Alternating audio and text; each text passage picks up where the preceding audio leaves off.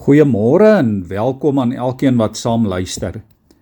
Die van ons wat so 'n bietjie ouer is en terugdink aan die 1960s en die 1970s sal onthou hoe dat mense baie keer in die agterste vensterbank van hulle karre sulke hondjies gehad het met sulke los koppe. En terwyl die kar dan ry, dan skommel die hondjie se kop so heen en weer.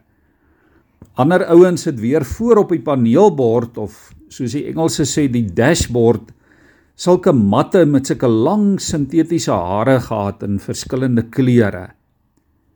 Nou liewe vriende, mense hou nou maar eenmal van goetertjies. Ja, daar's goetertjies op die kaggel, goetertjies in 'n glaskas in die sitkamer, goetertjies op vensterbanke, goetertjies in ons huise. Ons hou van goetertjies bymekaar maak. En as jy jou oë uitvee, dan het jy baie keer te veel goetertjies. Ongelukkig hou mense ook van goetertjies in hulle geloofslewe. Nuttelose uiterlike dinge wat dikwels gedoen word en wat ons dan godsdiens noem.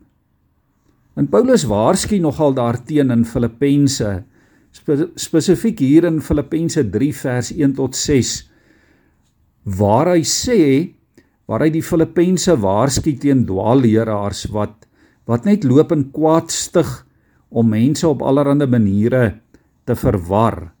En ek lei af dat die gemeentelede na hierdie valse profete toe gestroom het, agter hulle aangeloop het. En Paulus noem hulle praktyke 'n betekenislose besnydenis. Praktyke wat nutteloos is en wat mense niks nader aan God bring nie. En dan sê Paulus hier in vers 4: Tog sou ek ook op hierdie uiterlike dinge kon vertrou. As iemand meen dat hy op uiterlike dinge kan vertrou, ek nog meer. En dan vertel hy van sy eie besnydenis, sy herkoms, sy opleiding in die wet en selfs dat hy die kerk vervolg het. Nou ons Jy en ek moet regtig baie versigtig wees waaraan ons onsself blootstel. Waarna ons luister, wat ons lees, waaraan ons onsself steur. Want nie alles ook op geestelike gebied in ons geloofslewe kom noodwendig van God nie.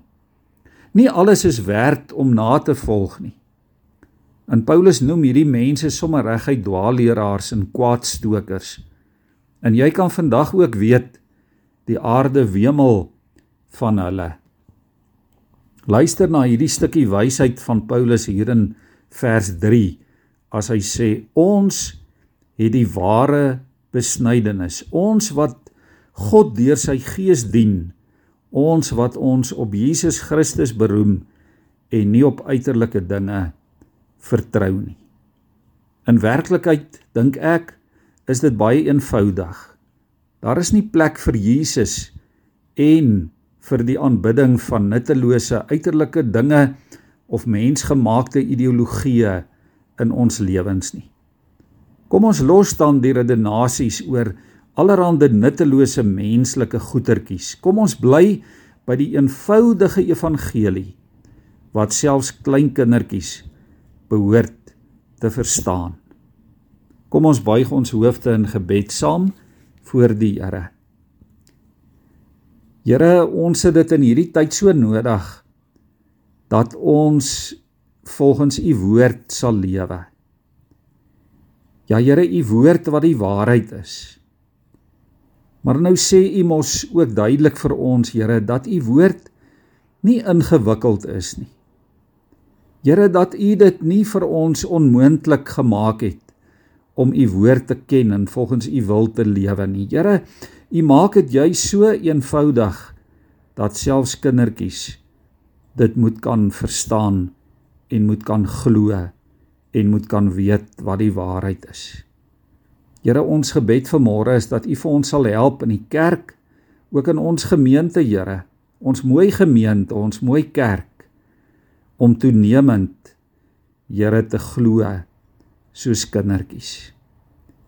Here ons wil ook vra dat dat U ons nie deur goetertjies sal laat aflei nie, ons aandag nie, Here.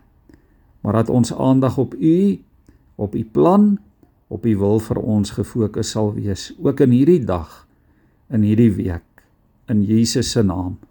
Amen.